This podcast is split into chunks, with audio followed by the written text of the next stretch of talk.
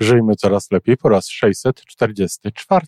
Dziś temat bardzo ciekawy, myślę, mianowicie co mówisz o swoim szefie, jak mówisz o swoim szefie, dlaczego tak mówisz o swoim szefie i po co tak mówisz o swoim szefie.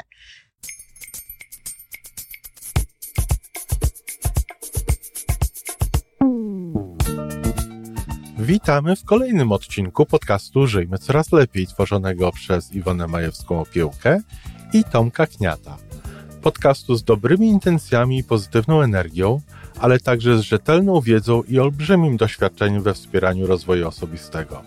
Chodzi nam o to, aby ludziom żyło się coraz lepiej, aby byli coraz bardziej spełnieni, radośni i szczęśliwi.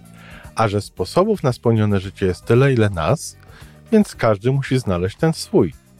A teraz już zapraszam do wysłuchania kolejnego odcinka. Dzień dobry, kochani, witam w czwartek, a skoro czwartek, to wcielam się w rolę psychologa biznesu i mam do tego prawo, dlatego że przez ponad 30 lat pracowałam w zasadzie głównie z biznesem. Szkoliłam wszystkie grupy jakby jednej firmy, czyli kadrę kierowniczą i handlowców i pracowników liniowych na, w różnych innych miejscach. E, ale też przedstawicieli absolutnie różnych zawodów. W związku z tym mam dość szeroką wiedzę na temat tego, jak to wygląda tak naprawdę, a przynajmniej jak wyglądało no jeszcze cztery czy pięć lat temu. Mam nadzieję, że aż tak wiele się nie zmieniło w tej kwestii, a jeśli to na dobre, e, jak to wygląda w Polsce w tej chwili, teraz i co w związku z tym mogę podpowiedzieć, żeby funkcjonować jeszcze lepiej. Dziś temat bardzo ciekawy, myślę, mianowicie co mówisz o swoim szefie, jak mówisz o swoim szefie, dlaczego tak mówisz o swoim szefie i po co tak mówisz o swoim szefie. O swoim szefie szeroko pojętym, o szefie y, przełożonym, o szefie, który jest albo bezpośrednio związane z Twoją pracą, bezpośrednio do niego, jak to się mówi, raportujesz, czy, ale też z głównym jakby e, szefem, z osobami, które w ogóle kierują firmą, w której pracujesz. Dlaczego to jest takie ważne? Oczywiście ważne jest z wielu powodów i spróbuję każdego z tych powodów dotknąć. Zacznijmy może od tego, dlaczego mówimy nie najlepiej o swoich szefach. I ciekawe jest to, że nawet wtedy, o czym już mówiłam w jednej z audycji, nawet wtedy, kiedy ktoś był naszym kolegą czy koleżanką, pracowaliśmy razem, dostał awans, został szefem, no to bardzo często już w tym momencie zaczynamy go traktować inaczej. Dlaczego mówimy o szefach nie najlepiej? Wiecie, jedna jedyna rzecz przychodzi mi do głowy, mianowicie taka, że taka jest tradycja, że tak to się przyjęło, że tak się przyjęło, że e, szef, o szefie nie można mówić dobrze, o nauczycielu w klasie, kiedy mamy do czynienia z dziećmi, nie można mówić dobrze. E, nie znaczy to, że nie ma ludzi, którzy się nie opierają temu dziwnemu zwyczajowi, ale zazwyczaj są y, no, w mniejszości i mm, po to, żeby y, jakoś funkcjonować w grupie, nawet nie stają czasem w obronie y, tych osób, o których mówi się nie najlepiej, a chociaż miałyby na to ochotę. Czyli pierwsza rzecz to jest taka tradycja. Tradycja, którą naprawdę warto byłoby skończyć. Ten zwyczaj może raczej, a nie tradycja szef jest e, osobą, który, bez której tak naprawdę firma nie funkcjonowałaby również, tak jak nie funkcjonowałaby bez innych osób, które są w tym, mm, są zatrudnione. To jest trochę ciekawe, dlaczego mówimy tak dużo o empatii, o współczuciu nawet dla innych ludzi, e, o komunikacji, o, o tym, żeby żeby z miłością i jak z dobrem iść do ludzi. A ciekawa sprawa, że to tak jakby w jedną stronę miało wszystko obowiązywać, że to tak jakby w jedną stronę miało iść, że to ci szefowie mają tacy właśnie być, czy e, ci rządzący mają tacy właśnie być. Natomiast osoby, które są prowadzone, którymi ktoś kieruje, którymi ktoś zarządza, one jakby są z tego, no tak trochę jakby mniej zwolnione. I jest to też związane z tym, że y, pewno oczekuje się więcej, bo jak, w jakimś sensie słusznie, od ludzi, którzy prowadzą czy firmę, czy, czy państwo, ale też trzeba wziąć pod uwagę to, że sami tego nie zrobią. I te wszystkie niedobre słowa, te wszystkie narzekania, te wszystkie takie rzeczy, które komunikuje się, zostają gdzieś w eterze i one tworzą, chociaż nie zdajemy sobie z tego sprawę, atmosferę naszego zakładu pracy, naszej firmy, a, a także, co tu dużo mówić, atmosferę kraju, a przynajmniej pewnych e, fragmentów tego, tego kraju, pewnych miejsc. I dlatego warto jest się nad tym zastanowić. To, to jest dlaczego. E, teraz pytanie jest, po co my to robimy? No, bardzo często robimy to po to, żeby, żeby mieć o czym pogadać, naprawdę. Żeby, żeby być w jakiejś grupie, żeby y, coś się, no, coś nas łączyło. Takie wspólne narzekanie na szefa to jest często takie spoidło jakby jakiejś grupy. Ciekawe, ale tak to jest. To trochę tak samo jak z, z językiem wulgarnym, jak z przekleństwami. One dają taką, takie poczucie wspólnoty, takie, takie, takie dziwne oczywiście, nie mniej, takie spoiwo jakiejś grupy. I tutaj też często tak jest. Oczywiście jest tak również z tego powodu, że chcemy wyjąć z siebie pewnego rodzaju napięcie. Na przykład nie podoba nam się to, co robi szef, albo na przykład nie zdając sobie z tego sprawy i warto byłoby na siebie popatrzeć może innymi oczami, e, chcemy zdjąć z siebie jakąś odpowiedzialność za niekoniecznie najlepsze funkcjonowanie i przekładamy tę odpowiedzialność, czy zwalamy wręcz winę na naszego przełożonego. Bo uważa się, nie wiem czemu, że przełożony to jest e, ktoś, kto jest w stanie z każdej osoby, z każdego człowieka wyciągnąć samo dobro, wyciągnąć wszystko, co w nim jest najlepsze. No nie, do tego jednak trzeba dwojga i, i przełożeni nie są cudotwórcami. W związku z tym założenie, że jeśli pracownik nie pracuje w pełni swoich możliwości, jeśli nie pracuje tak, jak mógłby pracować, to wina leży po stronie szefa, po stronie zarządu, nie jest do końca uprawnione. Tutaj mamy do czynienia z dorosłymi ludźmi, tutaj mamy do czynienia z ludźmi, którzy mają prawo wyboru, tu mamy do czynienia z ludźmi, którzy sami wkładają do, do przedsiębiorstwa no, siebie i, i to wszystko, co potrafią. Dlatego takie myślenie, takie działanie nie jest uprawnione. I co, co z tego wynika? Co my robimy tak naprawdę oprócz energii, o której mówiłam, którą wprowadzamy, która jest najlepsza? E, zwalając winę i narzekając i mówiąc jej najlepiej o szefie. Po pierwsze, e, zwalniamy siebie, tak jak mówię, z odpowiedzialności.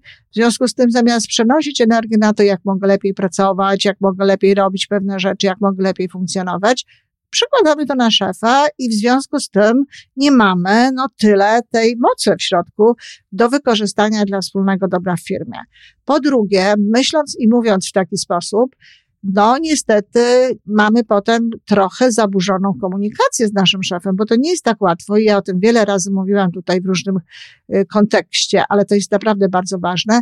Nie jest tak łatwo wchodzić na poziom y, zdrowej, takiej równorzędnej, powiedziałabym, partnerskiej komunikacji, ale oczywiście pełnej szacunku z szefem, jeśli wcześniej mówiło się o nim nie najlepiej, jeśli, jeśli wcześniej no, używało się nawet czasami słów, których używać się nie powinno. To wszystko jest gdzieś w naszej poświadomości. W momencie, w którym mamy komunikować się z tym szefem i robić różnego rodzaju e, wspólne rzeczy, przyjmować jego zdanie i, i, i tak dalej, wychodzi. I może mieć to wpływ zarówno na naszą postawę, taką autentyczną postawę, fizyczną postawę, jak i na ton naszego głosu i pewne inne niezauważalne być może dla nas, a zauważalne dla szefa y, zachowania.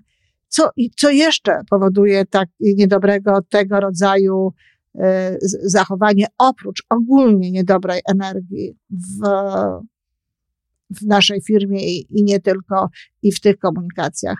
My tak naprawdę mówiąc i najlepiej o ludziach i używając i najlepszych słów, obojętnie czy to jest szef, czy nie, no ale dzisiaj mówimy akurat o szefie, tak naprawdę psujemy sobie również swoją własną opinię i tak naprawdę psujemy sobie również stosunek do siebie samych. Y, to się dzieje tak pomalutku i niepostrzeżenie, ale popatrzcie, ludzie, którzy narzekają na innych, którzy mają, którzy mają mnóstwo do powiedzenia niedobrych rzeczy, no właśnie o swoich szefach e, i innych e, osobach, bardzo często też nie mają specjalnie dużo ciepła dla siebie, nie mają też naprawdę dużo uznania dla siebie. Jak popatrzymy na nich, to widzimy ludzi raczej mało szczęśliwych. E, z dwóch powodów to się dzieje. Po pierwsze, oddaje się jakby odpowiedzialność, oddaje się sprawczość innej osobie, wykluczając siebie z udziału w tym, no bo jego wina, on jest niedobry, ja jestem w porządku, zabiera się sobie tę, tę odpowiedzialność, ale z drugiej strony gdzieś tam w podświadomości jest taki element, no właściwie kto ja jestem, jeżeli ja pracuję w tej firmie, jeżeli ja pracuję z takim, z takim niedobrym szefem, z takim niedobrym kierownikiem, z takim niedobrym menedżerem, który tutaj, czy dyrektorem, który tutaj zarządza, no to co? To znaczy, że ja nie dbam o siebie specjalnie, że ja nie mam dla siebie też specjalnie szacunku. Czyli z jednej strony pozbawiamy się proaktywności, z drugiej strony pozbawiamy się tak naprawdę poczucia własnej wartości. Oczywiście zatem potem mogą iść mniej lub bardziej uświadamiane myśli w rodzaju, no zmieniłabym, prawda, to miejsce pracy, ale przecież rynek nie jest łatwy, gdzie ja dostanę pracę i tak dalej. I tu już wkracza znowu zabieranie sobie poczucia obfitości i właściwie taki człowiek w ten sposób psuje sobie charakter.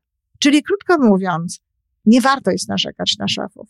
Jeśli mówimy o zachowaniach naszych szefów, które, o których trzeba powiedzieć, to mówmy to po to, aby coś z tym zrobić. Przede wszystkim pamiętajmy, że my sami mamy wpływ na to, jak zachowuje się szef. My sami możemy chcieć pewnych rzeczy i nie chcieć innych. My sami możemy w sposób y, kulturalny, stanowczy i na zasadzie takiej komunikacji, która, która łączy, e, przekazywać pewne informacje. My mamy wpływ na to, co się dzieje w firmie, my mamy wpływ na to, co się dzieje nie tylko na naszym stanowisku pracy, ale także w innych miejscach. Czyli nie dajmy sobie sami odebrać sprawczości w tej naszej firmie. Ćwiczmy raczej proaktywność i jeśli już naprawdę coś nam się nie podoba, to warto jest e, nie narzekać na to, tylko zastanowić się, jak możemy to zmienić, jak możemy najlepiej pomóc swojemu szefowi, bo przecież po to jesteśmy.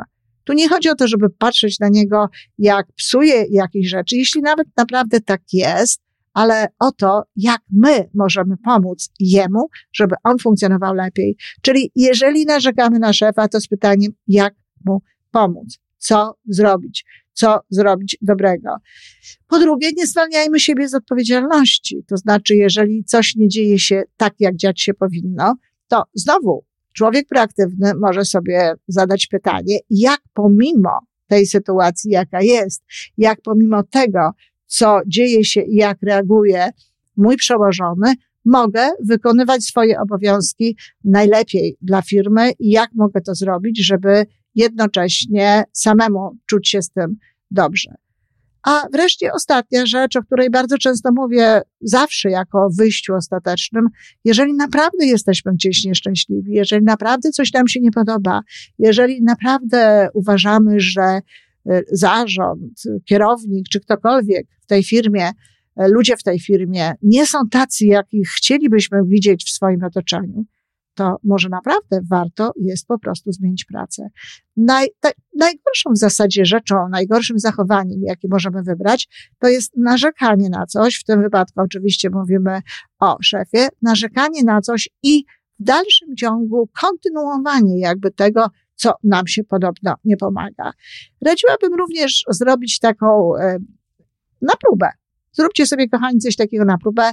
Zobaczycie, że zobaczysz konkretny słuchaczu, który być może masz właśnie taki stosunek do swojego szefa, zobaczycie, że jeśli zaczniecie mówić nagle pozytywnie o swoim szefie, szukać dobrych rzeczy, y, uwaga, to trzeba robić też głośno, nie tylko cicho, ale cicho przede wszystkim, szukać w nim dobrych rzeczy, doceniać wszelkie te rzeczy, które, które robi, a które do, widać ewidentnie, że są czymś dobrym. Jeżeli zaczniecie go tłumaczyć w jakiś sposób, traktować jako człowieka, który ma przecież swoje życie rodzinne, swoje wyzwania, swoją odpowiedzialność, która z reguły jest wyższa na poziomie wyższego zarządzania w firmie, zobaczycie, że zacznie wam się ten stosunek do niego zmieniać i zaczniecie widzieć go inaczej, bo od tego, jak mówimy o człowieku, na czym się koncentrujemy, bardzo dużo zależy. Zdarzało mi się już widzieć w mojej karierze, jak ludzie zmieniali właśnie w taki sposób zdania o swoich szefach,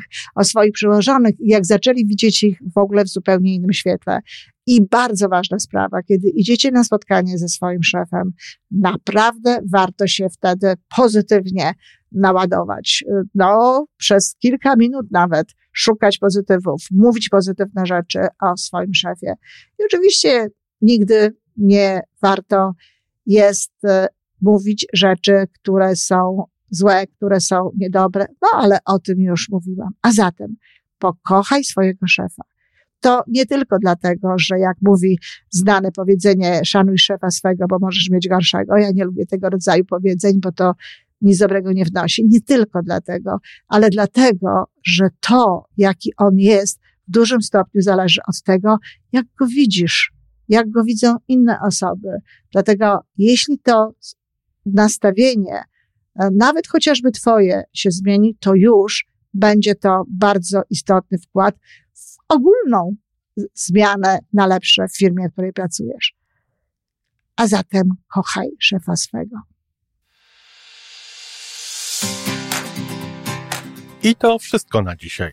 Podcast Żyjmy Coraz Lepiej jest stworzony w Toronto przez Iwonę Majewską-Opiełkę i Tomka Kniata. Sześć razy w tygodniu przygotowujemy dla Was nowy, ciekawy odcinek. Jeżeli lubisz nas słuchać, to prosimy o reakcję. Polub nas, skomentuj, tak jakbyśmy sobie po prostu rozmawiali. Zapraszamy do darmowej subskrypcji. Jesteśmy dostępni na każdej platformie, gdzie można słuchać podcastów. Wystarczy nas tam poszukać. A po więcej informacji zapraszamy na stronę www.majewska-opiełka przez l.pl. Jesteśmy też na Facebooku i na Instagramie. Jeżeli uważasz, że nasze podcasty pomagają Ci w Twojej drodze do jeszcze lepszego życia, to proszę, przedstaw nas swoim przyjaciołom. Do usłyszenia.